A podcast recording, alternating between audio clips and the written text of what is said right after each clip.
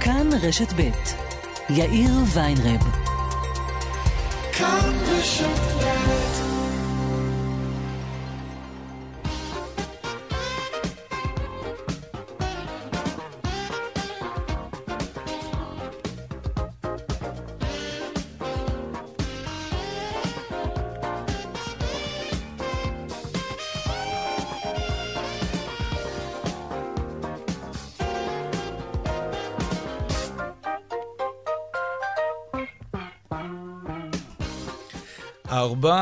ועוד חמש דקות בדיוק, כאן צבע הכסף ברשת ב', יום ראשון, שלום רב לכם, שבוע טוב, העורך רונן פולק, המפיקה סמדר טל עובד.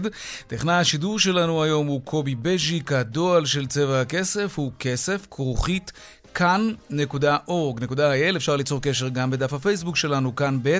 אני יאיר ויינרב, מעכשיו ועד חמש, אנחנו מיד מתחילים.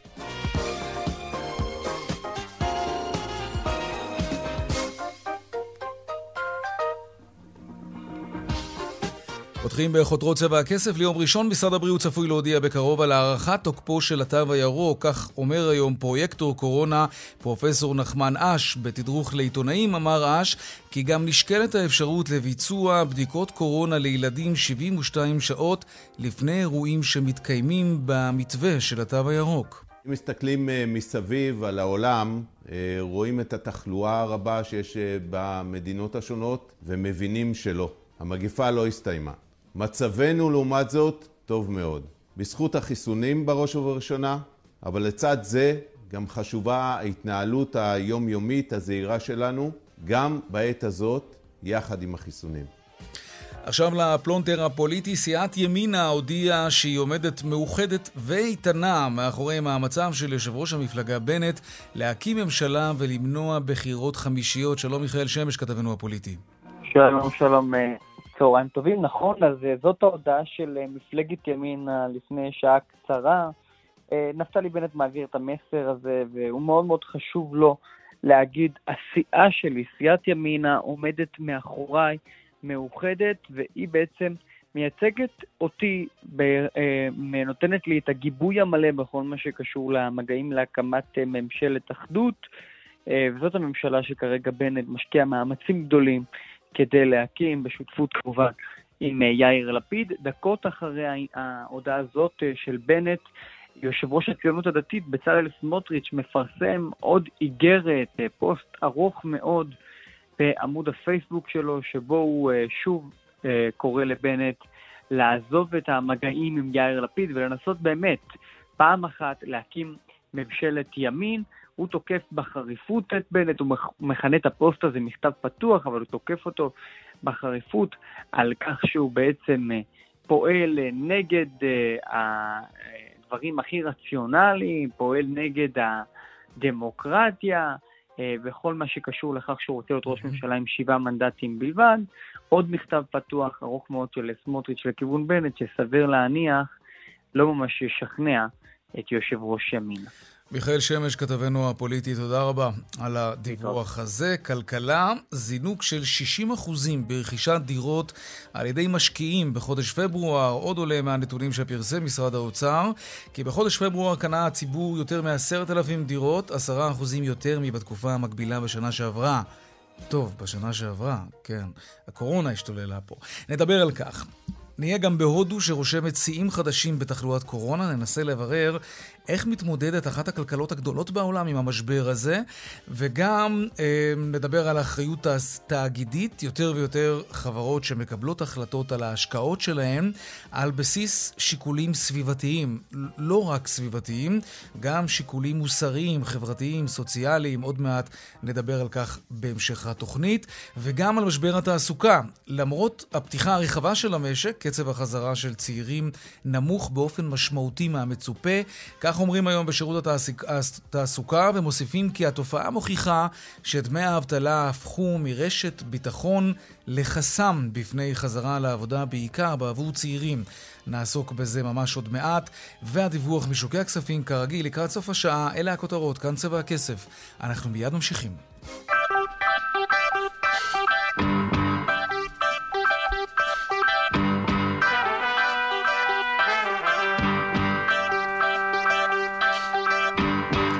אנחנו פותחים עם הנדל"ן. אה, טוב, המשקיעים חזרו לשוק הדיור, כבר דיברנו על זה פעם, וזה הולך ומתגבר. בפברואר היה זינוק של 60% במספר הדירות שנרכשו בידי משקיעים.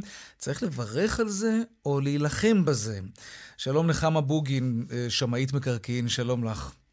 שלום, שלום. לדעתי צריך לברך על זה בהחלט. אוקיי, תכף נראה, כי אני דווקא זוכר שנלחמנו בתופעה הזאת. שר האוצר כחלון ביטל כל מיני פטורים כדי ממש לסלק אותם משוק הנדל"ן, ועד כמה שזכור לי זה דווקא הוכיח נכון. את עצמו.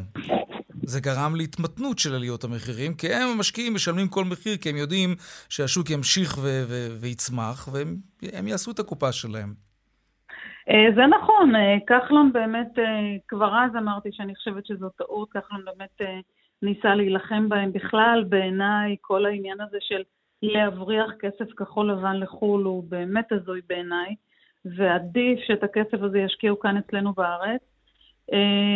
וכן, ובאמת התיקון שהיה לאחרונה, שתיקן את מה שלדעתי הייתה טעות שנעשתה לפני כמה שנים, החזיר את המצב לקדמותו, וטוב שההשקעות תהיינה כאן מאשר בחוץ. אבל אי אפשר להתווכח על זה, אנחנו רוצים שהכסף יישאר כאן. אבל מצד שני, לגמרי. כשהכסף הולך לנדל"ן ומנפח עוד יותר את המחירים, אז את יודעת, יש פה, איזוש, יש פה איזשהו כשל נקודתי ש, שניסו לטפל בו בין היתר בהרחקת המשקיעים שמוכנים לשלם, אני לא רוצה לומר כל מחיר, אבל מוכנים לשלם הרבה מאוד כסף כדי שתהיה בבעלותם דירה להשקעה. כי הם משכירים את הדירה ויש להם החזר חודשי.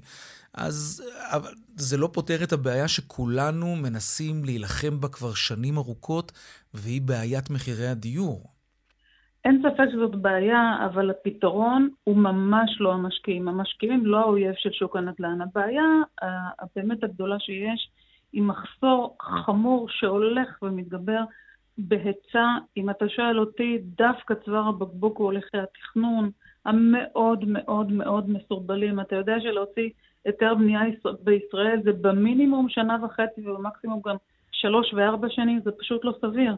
שלא לדבר על הזמן שלוקח לאשר תוכניות בנייה. אבל יעלו את זה בשנים האחרונות, אותם ותמ"לים, אותם ועדות אקספרס לאישור, להפשרה של קרקעות. מעט מדי, מעט מדי, מעט מדי, וגם תוכנית מחיר למשתכן, שתודה לאל בוטלה עכשיו, גרמה נזק אדיר.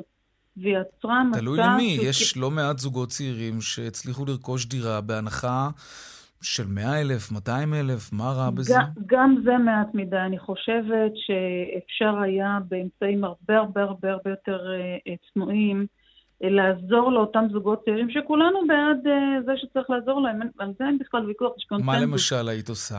התוכנית למשל... שהייתה אז ללפיד, מע"מ אפס, mm-hmm. יותר הגיונית בעינייך? לא, מע"מ אפס לא הייתה יותר הגיונית, ובאמת גם היא לא יצאה לפועל, אבל אם היית נותן...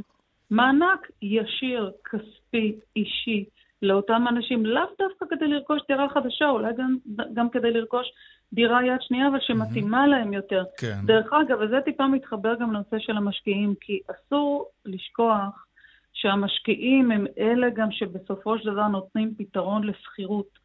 ואיפה הקשר? הקשר הוא שאני חושבת שהנושא של דיור להשכרה בישראל אה, צריך לקבל דחיפה מאוד משמעותית, הוא יעזור גם אה, אה, בכל מה שקשור למחירי הדיור, משום שתהיה אלטרנטיבה טובה ונוחה, וזה יורד טיפה את הלחץ. Mm. תגידי, עכשיו אנחנו צפויים לעליית מחירים דרמטית? כשאנחנו מחברים את, את שובם של המשקיעים לשוק. ואנחנו מוסיפים לזה את עניין היצע הדירות שאת מציינת, שהוא צפוי עוד יותר לרדת, כי, כי יש, הייתה ירידה בהתחלות בנייה, כלומר, נכון, קבלנים בנו פחות. נכון. כשאת מחברת את שני הפרמטרים האלה, המסקנה המתבקשת היא שבחודשים הקרובים, ואולי כבר עכשיו, וזה קורה בהדרגה, מחירי הדירות יקפצו? כן, כן, בהחלט. אנחנו נמשיך לראות uh, עליית מחירים. שוב, גם לפני הקורונה היה מחסור אדיר בדירות. בשנה הזאת, בשנה האחרונה באמת אה, היו עיכובים גם בהליכי התכנון שהם איטיים ממילא וגם בביצוע. למרות שענף הבנייה הוגדר כענף חיוני, עדיין אה, הנוכחות בשטח אה, הייתה של משהו כמו 50% מכוח העבודה, mm-hmm. ובאמת אה, מסיבות שלא תלויות, באמת, זה באמת כוח עליון. אה, בלי להיכנס להגדרות משפטיות חלילה, כן. אבל uh, באמת מסיבות שלא תלויות באף אחד, uh, היה עיכוב גם בביצוע, וזה בהחלט, בהחלט ישליך על עליית מחירים ש... שתלך ותמשיך לדעתי. אני רוצה להתעכב איתך עוד רגע על עניין המשקיעים. קראתי באחד מעיתוני סוף השבוע על פנטהאוז, כן, נדמה לי שזה היה פנטהאוז ברחוב הירקון בתל אביב, שנמכר משהו בסביבות ה-70 מיליון שקל. תשמעי, אני, אני לא בטוח שפנטהאוז כזה במקומות אחרים ואטרקטיביים בעולם, המחירים מגיעים שם לרמות האלה. מה, מה, מה מייחד את מה שקורה אצלנו, שהמחירים הם עד כדי כך לא נורמליים? תראה, קודם כל באמת אה, קורה לא מעט שאנחנו שומעים על מחירים באמת שאנחנו ככה שואלים את עצמנו עד איפה זה עוד יכול לעלות. אבל באמת יש נכסים ייחודיים, אה, ויש אה, משקיעים עתירי ממון שיכולים להרשות לעצמם אה, לשלם את המחירים האלה. ודרך אגב, זה לא רק אצלנו, אפשר למצוא עסקאות נדירות וחריגות מהסוג הזה גם במקומות אחרים. אנחנו רואים שגם משפרי דיור, לפי הדוח של הכלכלנית הראשית באוצר, גם מי שמשפר דיור מחזיק למשך איזושהי תקופה גם את הדירה הישנה וגם את הדירה החדשה שהוא קנה כמובן. נכון. אמ, לא, לא ממהרים להיפטר מהדירה הישנה. מה, מה מסביר את ההתנהגות הזאת, שכמובן, איך שלא נסתכל על זה, חונקת עוד יותר את שוק הנדל"ן, כי יש פחות דירות למכירה, כל עוד הם מחזיקים בדירה הישנה שלהם. זה נכון, אבל אני לא חושבת שאנשים מחזיקים בכוונה את הדירה הישנה יותר ממה שנדרש. בסופו של דבר, זה באמת איזשהו אה, תהליך שבסופו של דבר הם ירצו להשאיר לעצמם גם את הזמן הנכון אה, למכירה אה, כדי לא להסתכל בהם בשתי הדירות. אולי הם מחכים לעליות מחירים, כלומר, קנו דירה חדשה במחיר מנסים, מסוים. מנסים כמובן לצמצם את הפער עד כמה שניתן, כן, mm. כן, אתה משאיר, אבל עדיין, עדיין כדי למכור דירה במחיר נכון, דרושים כמה חודשים טובים, אני לא חושבת שאנשים משאירים את זה ממש לרגע האחרון. יכול להיות שאם למשל אתה קונה דירה מקבלן, קונה דירה לנייר, ואתה ממתין יחסית הרבה זמן עד שהבנייה תסתיים למשל, אז אתה יכול להחזיק בדירה הקיימת שלך יותר זמן, אפילו mm-hmm. צריך להחזיק כן. יותר זמן כדי שיהיה לך איפה לגור, אבל אני לא חושבת שאנשים אה, מחזיקים אה, דירה בכוונה, אלא מנסים לצמצם את הפער עד כמה שניתן. כדי למצות את, את מחיר המכירה, כן, אתה צודק. תגידי, לסיום, למרות שזאת שאלה ענקית, צריך לומר, אבל. כל מומחה נדל"ן שאנחנו מדברים איתו בשנים האחרונות תמיד אומר, הקצב שבו ועדות התכנון והאישורים הוא, הוא נוראי, וזה בעצם מה שמונע מקבלנים לבנות עוד ולהציף את השוק עוד יותר. אם היית צריכה לשים את האצבע על הסיבה העיקרית שבגללה אי אפשר להפשיר קרקעות בקצב מהיר יותר. על מי היית מצביעה? איפה היית שמה את האצבע? אה, המערכת הזאת היא באמת אה, מערכת אה, כוללת. אני לא יודעת אם אפשר לשים את האצבע בנקודה ספציפית. אני חושבת שאם אני כן צריכה לשים על, על שלב מסוים בתוך כל המערכת הזאת, זה באמת בעיקר הזמן שלוקח להוציא היתרי בנייה שהוא פשוט לא סביר לחלוטין, כי שים לב, גם כשכבר אושרה תוכנית וגם כשכבר מאפשרים לבנות, הזמן שעובר עד שאתה מצליח לקבל את היתר הבנייה הוא פשוט לא סביר, אין שום סיבה. כמה זמן זה לוקח שנתה, בממוצע? שנתיים, שלוש, ארבע שנים. למה? אפילו. מה קורה בשנתיים, שלוש האלה? פרקי זמן פשוט הזויים. מה, מה קורה מה בפרק זמן הזה? ש... מה שקורה זה שהיזם או מי שמריץ את הבנייה אה, עובר תהליך פשוט מתיש מול הוועדות של עוד תנאים, עוד מסמכים, עוד בקשות, עוד... אה, ואולי צריך את זה, אה, זה, זה דבר רציני כשבונים בניין. צריך לוודא לא. שמי שעוסק בזה עושה את כל מה שצריך. יש לזה היבטים סביבתיים, היבטים בטיחותיים. אה, אני לא מזלזלת בחשיבות של היתר בנייה ובחשיבות של כל אותן דרישות, אבל אין שום סיבה בעולם שבמדינות אחרות תהליך שלוקח שלושה-ארבעה חודשים, אצלנו ייקח שלוש שנים, זה פשוט לא סביר. יכול להיות שיש גם הרבה גורמים שלא תלויים בוועדות התכנון, מחסור בכוח אדם, mm-hmm. חוסר יעילות במערכת, okay. אוקיי. עניינים של מיכון, מחשוב וכולי. אבל עובדתית, בשורה התחתונה, הזמן הוא פשוט בלתי סביר בעליל. נחמה בוגין, שמאית מקרקעין, תודה רבה לך על השיחה הזאת. תודה רבה, צהריים טובים. גם לך. טוב. העניין הבא שלנו, ככל שחולף הזמן והמשק נפתח עוד ועוד, הציפייה היא שיותר ויותר יחזרו לעבודה, וזה קורה, אבל עדיין לא מספיק. והלא מספיק הזה הוא בעיקר בקרב צעירים. שיעור המובטלים הצעירים עדיין עומד על כ-47 אחוזים, אלו נתונים של חודש מרס. שלום שלומי יחייב, יושב ראש התאחדות הסטודנטים והסטודנטיות, שלום לך. אהלן יאיר. צעירים זה אומר שהרבה מאוד סטודנטים הם מובטלים בתקופה הזאת, ודיברנו כמה פעמים בשנה האחרונה, ולא ידענו עד כמה זה ישפיע על הנשירה מהלימודים. היום אתם יודעים להגיד אם קורונה מנעה מסטודנטים לסיים את הלימודים שלהם? אז כן, אז, אז כמו שדיברנו בשנה האחרונה, הסיפור של האבטלה שפגע בדור הצעיר והסטודנטים בכלל, ואלה שהוצאו לחל"ת, אנחנו בין, בסוף היינו הראשונים כמו שדיברנו. והרשתות ביטחון שלנו לאורך הדרך גם היו נמוכות. מה שקרה, אבל, ועל זה בדיוק נאבקנו, זה להרחיב את הרשתות. למשל, להרחיב את קרנות הסיוע, את המלגות לסטודנטים, במוסדות נתנו מענקים כאלה ואחרים, וצריך להגיד, הדברים האלה היו מעין איזה חוסם עורקים ראשון שעזר כן לבלום את זה. אני חושב שאת הנתונים המשמעותיים אנחנו נראה רק בסוף הקיץ הזה, שאנחנו נראה כמה הצליחו לסיים את השנה האקדמית, שזה האינדיקציה בסוף הכי גבוהה. Mm-hmm. אוקיי, וכשסטודנטים באים אליכם ואומרים לכם, אנחנו לא מסוגלים, אבל אני מניח שהיו מקרים כאלה לסיים את התואר. לכן כהתאחדות הסטודנטים יש מקורות תקציביים, משהו שאתם יכולים להעמיד הלוואה, מענק, לסייע לסטודנטים מהסוג הזה?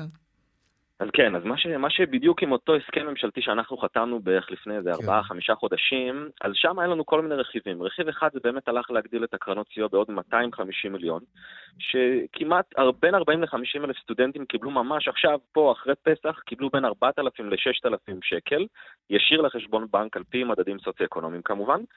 ומערך נוסף יותר ייעודי לסטודנטים שנפגעו כלכלית אבל לא מהרקע הסוציו-אקונומי הקשה, הצלחנו לייצר עוד מערך של עשרת אלפים מלגות ביחד עם המשרד לשוויון mm. חברתי בשווי של 50 מיליון שקלים, ופה אותם סטודנטים, צריך להגיד, באלפים שפנו אלינו ואמרו, אנחנו לא מצליחים למצוא עבודה, אין לנו איך לשלם שכר לימוד, אז הפתרון שלנו היה עבורם לתת את המלגה הזאת, ומה שהיה יפה, יאיר, שזה היה בעבור תרומה לחברה אה, בגזרות מסוימות שנפגעו תחת הקורונה. יפה, זה באמת יפה.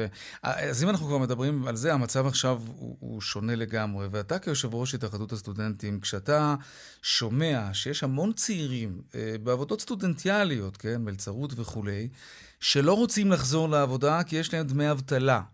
מה דעתך על זה? האם, האם ההתאחדות הת, התייחסה למצב הזה, כן. שהרבה מאוד מעסיקים מדווחים עליו? כן, אז אה, עמדתנו, גם עמדתי, כמובן מאוד ברורה. אם אנחנו מדברים על מקום שסטודנטים, זה בדרך כלל אלה שהוצאו לחל"ת, זה לא אלה שפוטרו.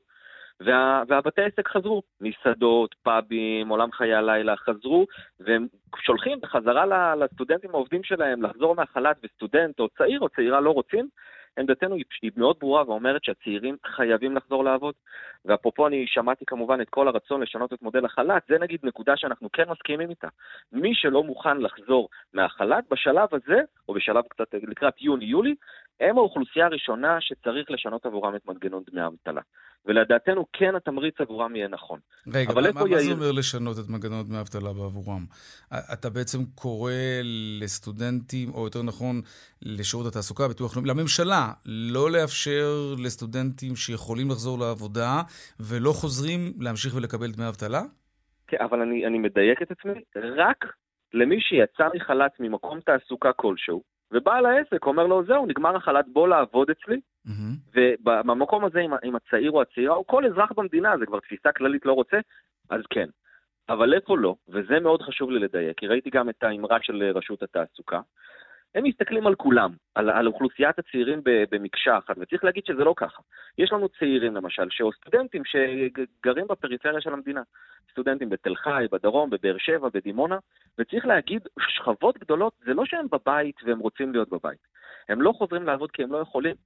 כי למשל, נגיד, שם יכול להיות חיי הלילה נפגעו, או הבתי עסק נפגעו, או פשוט אין מספיק אה, מקומות עבודה. ולהם, זו אוכלוסייה שונה לגמרי, שלהם האמרה שלנו פה היא שונה. היא פה אומרת שדווקא להפך, פה לא צריך להיות נחרצים, וצריך לעשות מנגנון דיפרנציאלי, שבא ובוחן באמת את, את האזורי פגיעה. זאת אומרת, למה הבן אדם כן. לא חוזר לעבוד? שלומי יחיאב, יושב ראש התאחדות הסטודנטים והסטודנטיות, תודה רבה לך. תודה רבה. להתראות. משרד הבריאות פרסם בשבוע אה, שעבר, אה, ביום חמישי, אזהרת מסע כללית לכל היעדים מחשש לחשיפה לווריאנטים של קורונה, ולמרות שמדובר באזהרה כללית לכל מקום בעולם, יש גם שבעה יעדים שלגביהם יש אזהרת מסע חמורה. בגלל מצב הקורונה באותן מדינות. אוקראינה, אתיופיה, ברזיל, דרום אפריקה, הודו, מקסיקו וטורקיה. שלום אפרים קרמר, מנכ"ל אשת טוס. שלום וברכה. הישראלים מתרגשים? יש, יש פחות הזמנות? אזהרת המסע הזו משפיעה? אה, אין פחות הזמנות, אך בהחלט האזהרה בניסוח הכוללני אה, היא מפריעה ופוגעת, היא גם לא רלוונטית, אה, מכיוון שהיא לא מתייחסת למדינות שלהן חודשה הפעילות. למעט טורקיה ואוקראינה, שתכף אתייחס אליהן, אז המדינות כמו הודו, מקסיקו, ברזיל, אתיופיה, דרום אפריקה, ממילא ישראלים לא נוסעים. הן לא רלוונטיות ל- ל- לחידוש התיירות. חידוש התיירות עכשיו הוא רק למדינות ירוקות, מחוסנות, כמו אה, גיאורגיה, אה, כמו אה, בולגריה, כמו בריטניה בהמשך, כמו מלטה, כמו קפריסין. פשוט... אבל אזהרת אה, המסע מדברת גם על היעדים האלה, אם אני מבין נכון. כן, אז, אז לגבי אז למה. הן ירוקות? סליחה? למה, למה אם הן ירוקות המדינות האלה? אז למה בעצם אזהרת מסע גם לשם? אז אני באמת לא מוצא בזה שום, שום היגיון. אם אנחנו, אנחנו אה, הלקוחות שלנו יוצאים ממדינה ירוקה, ממדינה מחוסנת, אה, אה, טסים למדינות מחוסנות, אה, אה, ירוקות, אז אה, מה, אה, מה פשר אזהרת מסע? מדוע לז, אה, לזרוע בעלה? זה פשוט אה, אה, משתמשים נניח בבעלה שקורית בהודו, באירוע לא נעים שקורה בהודו, בברזיל, כדי להשליך מזה על מדינות אחרות. זה פשוט לא רלוונטי, לא לעניין, ואני לא מבין מה הקשר בין הקריאה הכללית אה, לבין חידוש התיירות מישראל וישראל. חידוש התיירות צריך להיות הדדי, הוא צריך להיות מבוסס על חיסון רק למדינות מחוסנות אה, וירוקות, וגם להביא תיירים נכנסים רק ממדינות מחוסנות וירוקות. כן, זה ברור. טוב, יכול להיות שהחשש... ארצות הברית ובריטניה פועלות ככה, ומדינת ישראל, משרד הבריאות, עוסק בעיקר בהפחדות. כך שאני לא מבין את פשר הקריאה הזאת. טוב, בוא נדבר קצת על אוקראינה. אה, הרבה מאוד דתיים אה, מבקשים לטוס לשם, להגיע לקברו של רבי נחמן, ואוקראינה נמצאת ברשימה של האזהרה החמורה. אז זה בא לידי ביטוי, או שאנחנו עדיין רואים תנועה של אנשים לשם, למרות שאנחנו לא מדברים כאן על איזשהו יעד ספציפי, מועד ספציפי. והאזהרה היא כללית כרגע. כן. כן, אוקראינה זה לא יעד נופש, אוקראינה זה יעד של uh, קברי צדיקים.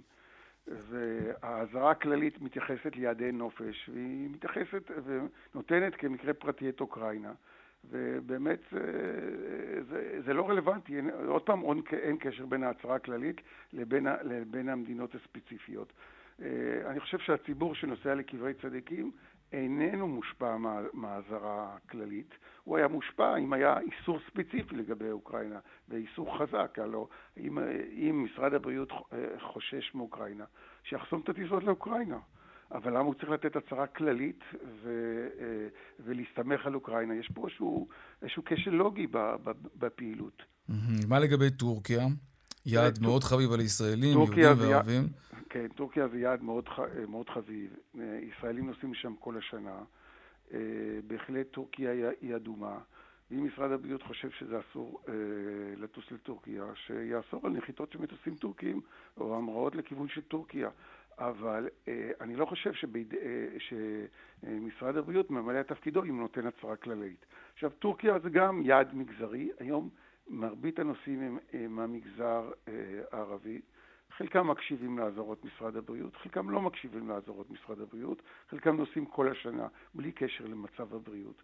כך שאין קשר בין, אה, בין העובדות ולבין הקריאה הכללית אה, אה, לישראלים להפסיק לצאת לנופש. מדוע להפסיק לצאת לנופש ללונדון, שעוד מעט היא תיפתח מכנראה מחצית מאי או בתחילת יוני? טוב, יכול להיות שעד אז האזהרת מסע הזאת תשתנה. אבל פשוט גורמים בעלה, וככה לאורך כל השנה.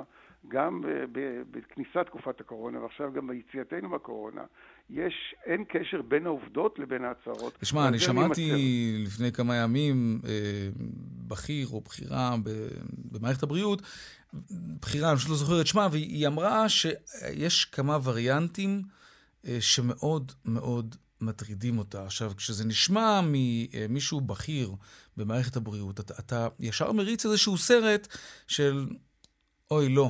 רק שלא נחזור עכשיו אחורה למה שהיה פה כאן. פעם.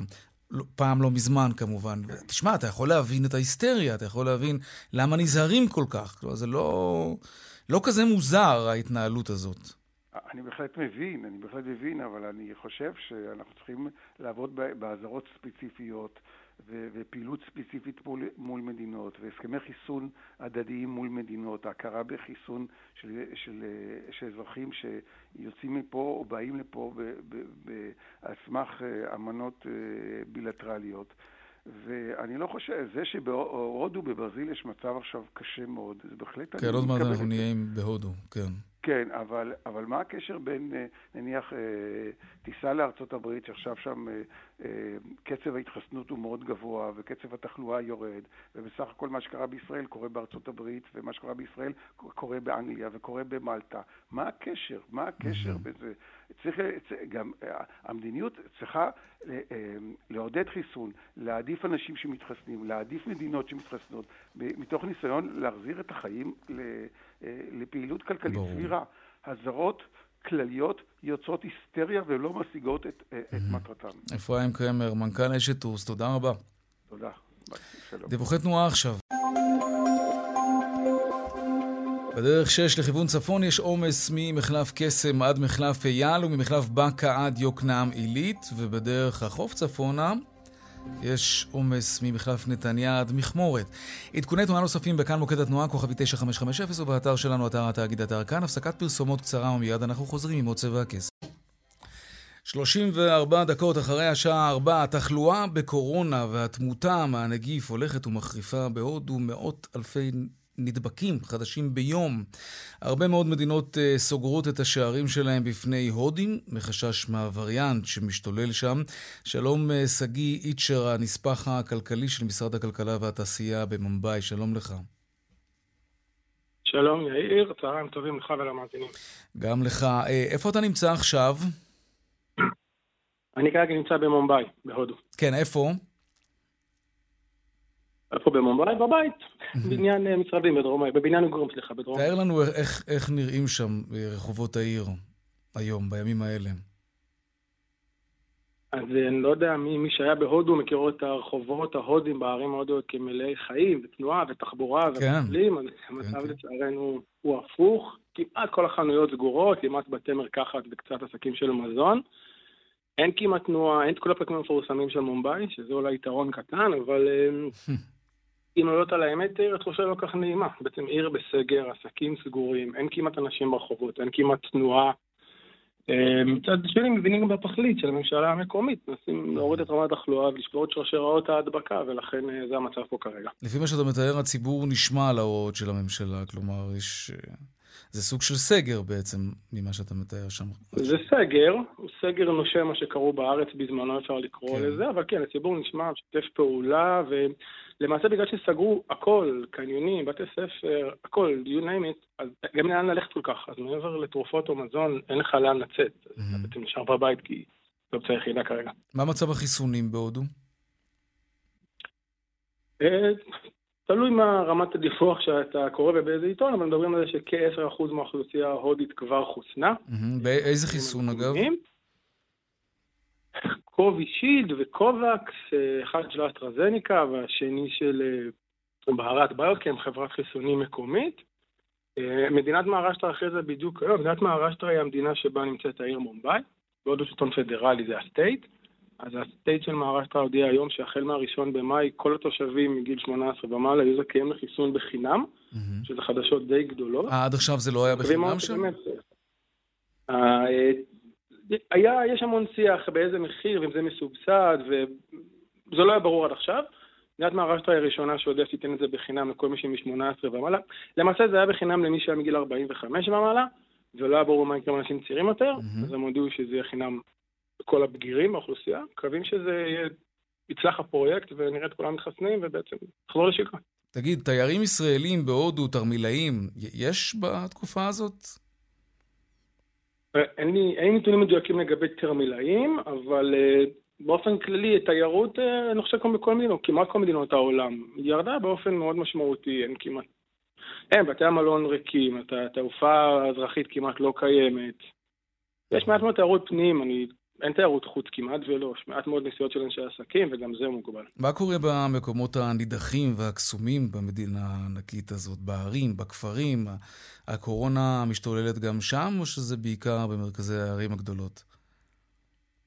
אה, הקורונה מגיעה לכל מקום ומקום בהודו, באופן טבעי בגלל שהערים, המטרופולינים הגדולים של הודו הם מאוד מאוד דחוסים ומאוד מאוד צפופים מבחינת האוכלוסייה, אז מצב הקורונה בערים הוא חמור משמעותית, לעומת אזור הכפרי שהוא, אה, אתה יודע, רוצים יותר, יש יותר אוויר, יותר נקי, אז אה, שם הוא פחות חמור. מה מצבה של מערכת הבריאות שם, אגב, היא בריאות ציבורית, כמו אצלנו בארץ?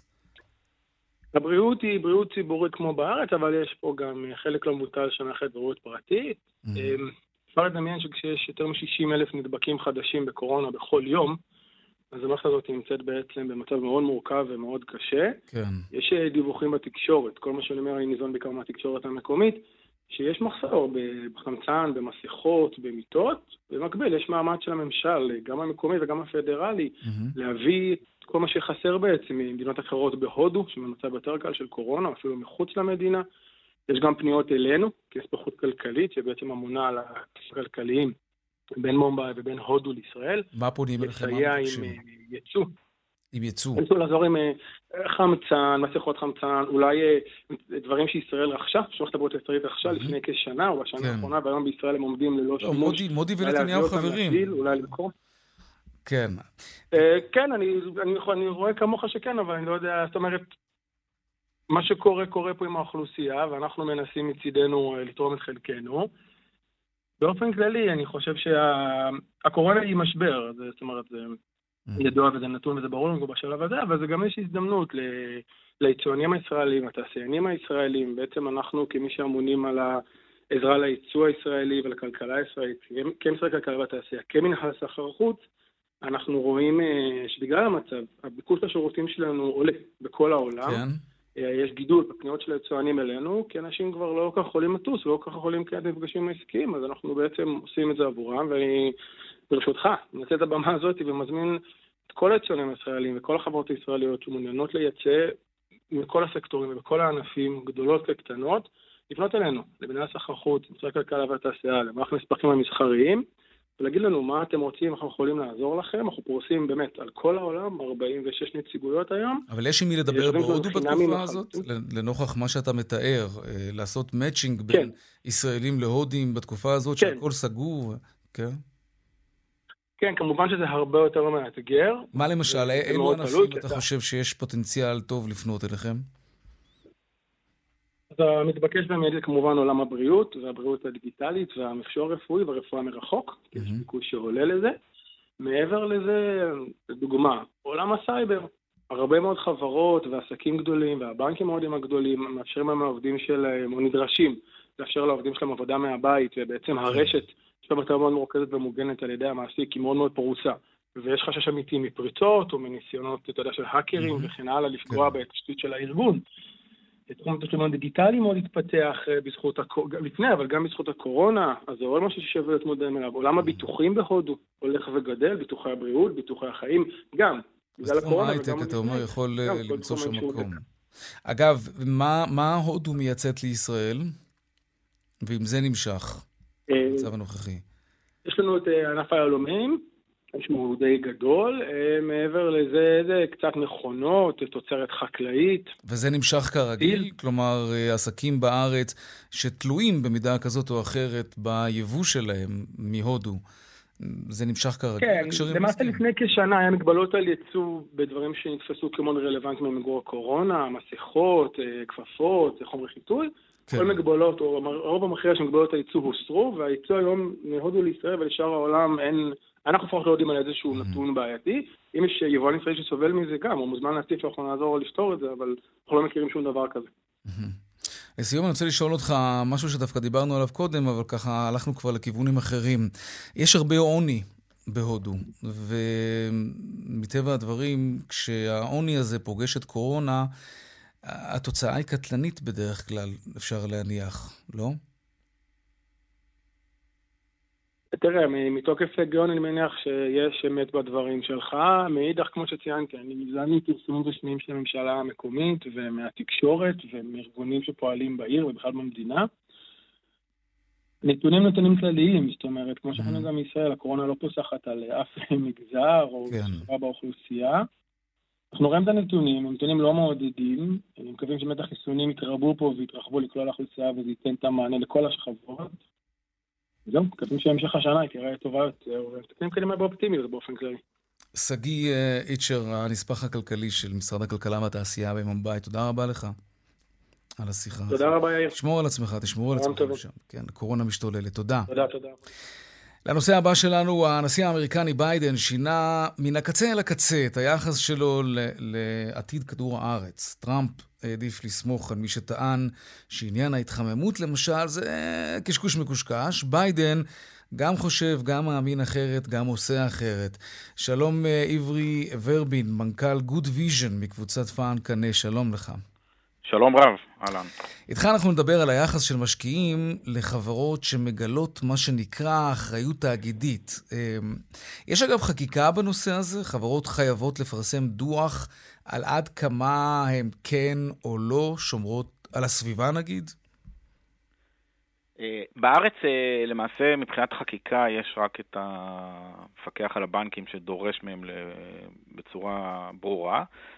אבל בשבוע שעבר נפל דבר בישראל, ומה שקרה זה שרשות ניירות ערך פעם ראשונה אה, פרסמה המלצה, ויש האומרים שהמלצה חמה של מרגולטור כמוה כבקשה שלא ניתן לסרב לה, שבעצם מכל החברות הבורסאיות, הציבוריות, לפרסם אה, אה, בעצם דוח לציבור על ההשפעות החברתיות והסביבתיות שלהם, וזה מאוד, מאוד מתחבר כמובן לנושא של ביידן, כי בעצם mm-hmm. אנחנו רואים שכל הכוכבים מסתדרים לכיוון הזה של יותר שקיפות, יותר דיאלוג, יותר אחריות לסביבה ולקהילה.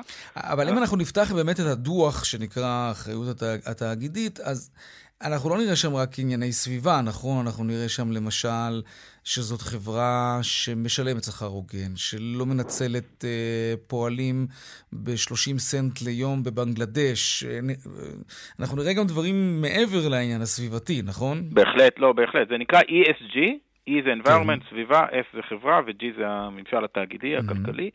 Uh, בוודאי, אתה לא יכול להיות uh, הגון לסביבה ולא הגון לעובדים, אתה לא יכול להיות, uh, להתנהג בצורה ראויה למשקיעים, אבל לא לספקים. בסופו של דבר, ערך הוא ערך. אתה רוצה לראות שהחברות מתנהלות בצורה... שהן חברות מוסריות. כן, ראויות. והתפיסה של אחריות תאגידית, אגב, יאיר, אה, אגב, אני חושב שהיא די דומה למה שביידן מנסה להוביל, שבסוף זה לא רק מחבקי עצים, אנחנו מדברים פה על זה שזה טוב לביזנס. וכמו שביידן אומר, זה, זה לא רק טוב לכדור הארץ, זה טוב לכלכלה, אז, הוא מייצר... למה אבל בעצם? אני מנסה לחשוב על משקיעים, כן. מה הם רוצים. משקיע רוצה לעשות כסף, תשואה על הכסף שמשקיע, הכסף יעבוד בשבילו. וכשאני חושב על זה, העניינים האלה שאנחנו מדברים עליהם, חשובים ככל שיהיו, מוסריים ככל שיהיו, הם לא באמת מעניינים את, ה, את המשקיע, הם רוצים לעשות כסף, אז... לא, יש לזה, יש לזה הסבר די פשוט, אני... כן. תן לי דקה, אני אנסה. תראה, ביידן זה עוד דוגמה לזה שהעולם הולך, שינה כיוון, נכון? קו פרשת המים של טראמפ השתנה, ואנחנו מסובבים את ההגה עכשיו ימינה או שמאלה, כל אחד mm-hmm. לפי משהו. אנחנו הולכים לעולם יותר... אה, אה, יותר קשוב יותר לצרכים האלה. יותר כן. קשוב, בדיוק, כן, בדיוק. אוקיי. אנחנו רוצים כמשקיעים, עכשיו אני מדבר, רק כמשקיעים, להיות עם אותן חברות שישגשגו, שיפרחו בעולם הזה. זאת אומרת, אם אני חברה שמתעסקת עם אה, דלק פוסילי, כן, אה, שבעצם לא מותאם לעולם הזה, של לואו קרבון אקונומי, כן. אני בעצם, אה, יש לי סיכון עסקי כרגע על העסק. יכול להיות לי סיכון משינוי הרגולציה, יכול להיות לי סיכון מהפסקת עבודות. כלומר, חוששים מתביעות נגד סיכונים. החברות האלה. כלומר, אתה תשים את הכסף על חברה שלא שומרת על הסביבה, ואז פתאום באותה מדינה יהיה איזשהו שינוי חקיקה, והחברה הזאת תהיה חשופה עכשיו לתביעה של מיליארדים, אז הכסף שלי ילך ביחד עם המיליארדים. אתה מתכוון לזה. כן, זה, זה ניהול סיכונים זה פעם אחת, כמובן זה, זה טוב גם מהצד החיובי של מוניטין, כי יש, אנחנו רואים היום שיש לקוחות, mm-hmm. במיוחד לקוחות מוסדיים, שמעדיפים חברות יותר ירוקות ויותר uh, חברתיות, uh, רגולציה כמובן. בסוף התקשורת uh, כמייצגת את הציבור uh, גם מבינה שהשקיפות היא, היום גם אי אפשר להסתיר, אז כאילו כל הדברים שנעשו פעם כן. במחשכים, היום כבר אתה, אתה לא יכול, החברה חייבת להתנהג בצורה ראויה לטובתה היא. לא לטובת אה, אה, כדור הארץ. עכשיו, חוץ מזה שבצד אה, הסיכונים יש גם הזדמנויות. כשאתה הולך עכשיו להשקעה של טריליון דולר באיחוד האירופי בכלכלה ירוקה, וטריליון דולר בתשתיות בארצות הברית אה, ירוקות, אתה רואה שאתה גם תייצר עוד משרות, אתה גם תייצר עוד מנופים כלכליים, הקלינטק מתפתח. אה, אתה, אתה רוצה להיות עם החברות ש, שינצלו את זה, ש, ש, שההזדמנויות האלה יהיו גם לכדור הארץ, אבל גם עסקיות. זה ווין ווין ווין. כלומר, ללא ספק. אז זה גם שיקול ערכי, אבל, אבל זה גם שיקול עסקי, כי, כי חברות שלא ילכו עם הקו הזה, עלולות, כמו שציינו קודם, גם משמעית. לכתוב תביעה ענקית. ו, ו... תביעה, או שיש אצלנו בברנז'ה גם את העניין של, זה נקרא social license to operate, היכולת של הציבור, אפילו לפני חקיקה, כן. לא לרצות להיות אה, מזוהה עם mm-hmm. חברה מסוימת שהיא מזהמת או שמתנהגת אה, בצורה לא ראויה לעובדים שלה mm-hmm. או לספקים שלה. אה, בוא נדמיין שכל אחד מאיתנו שיש לו משהו שהוא אוהב לרכוש, ויש לו שתי חברות, אחת שהיא מזהמת, מושחתת, ואחת שהיא בדיוק ההפך, באותו מחיר, אותו מוצר, אני מניח כן. שרוב הסיכויים שנעדיף את המוצרים הטובים יותר. כן, אני, אני חושב שזה נכון. השאלה עד כמה אנשים באמת מחפשים לדעת. כלומר, כשאתה מסתובב במרכול, בסופרמרקט, על המדפים, אתה לא באמת יודע אם החברה הזאת דואגת לעובדים שלה, לא מנצלת, דואגת לסביבה. אין לך באמת המידע הזה, אלא אם כן נתקלת באיזושהי כתבה ושמעת שהחברה הזאת עושה ככה וככה, אז, אז כן, סביר להניח שרוב הלקוחות יגידו לעצמם, אתה יודע מה, אני, אני לא עוזר לחברה הזאת כי היא ככה וככה. כן, זה יכול להיות. אבל נכון, קודם כל, אם אנחנו... השאלה איזה כוח יש באמת לתוד... כן. למודעות הזאת.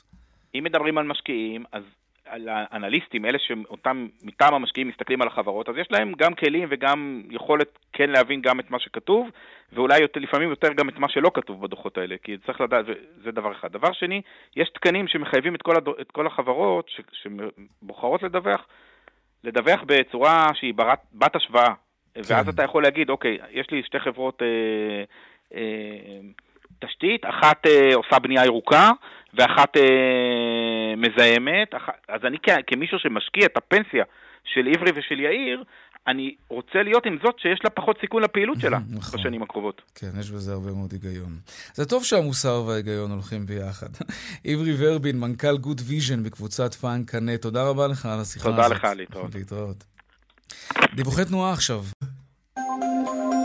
באיילון צפון העמוס ממחלף חולון וקיבוץ גלויות עד גלילות, ודרומה מקק"ל עד לגוארדיה, בדרך אשדוד-אשקלון עמוס ממחלף אשדוד עד צומת גן יבנה.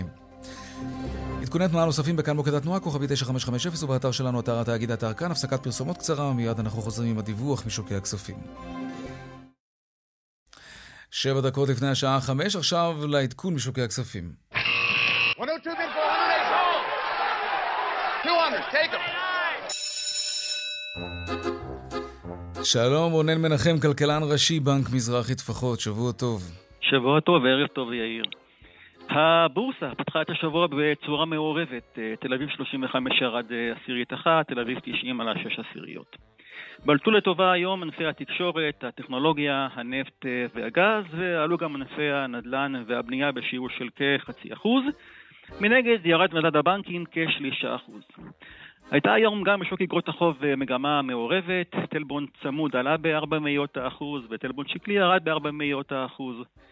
ובשוק אה, המטח, שער השקל דולר 3 שקלים, 25 אגרות ו-5 עשיריות. ערב טוב. ערב טוב גם לך, רונן מנחם, כלכלן ראשי בנק מזרחי טפחות. תודה רבה. תודה.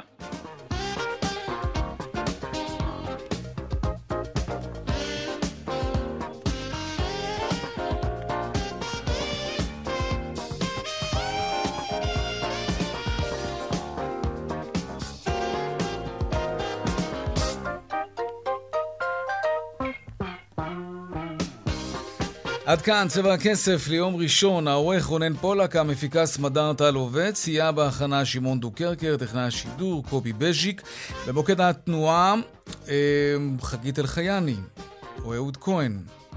Hmm. הדואל שלנו כסף כרוכית כאן.org.il מיד אחרינו שלי וגואטה. אני יאיר ויינרב, נשתמע כאן שוב מחר בארבעה אחר הצהריים, ערב טוב ושקט שיהיה לנו. שלום שלום.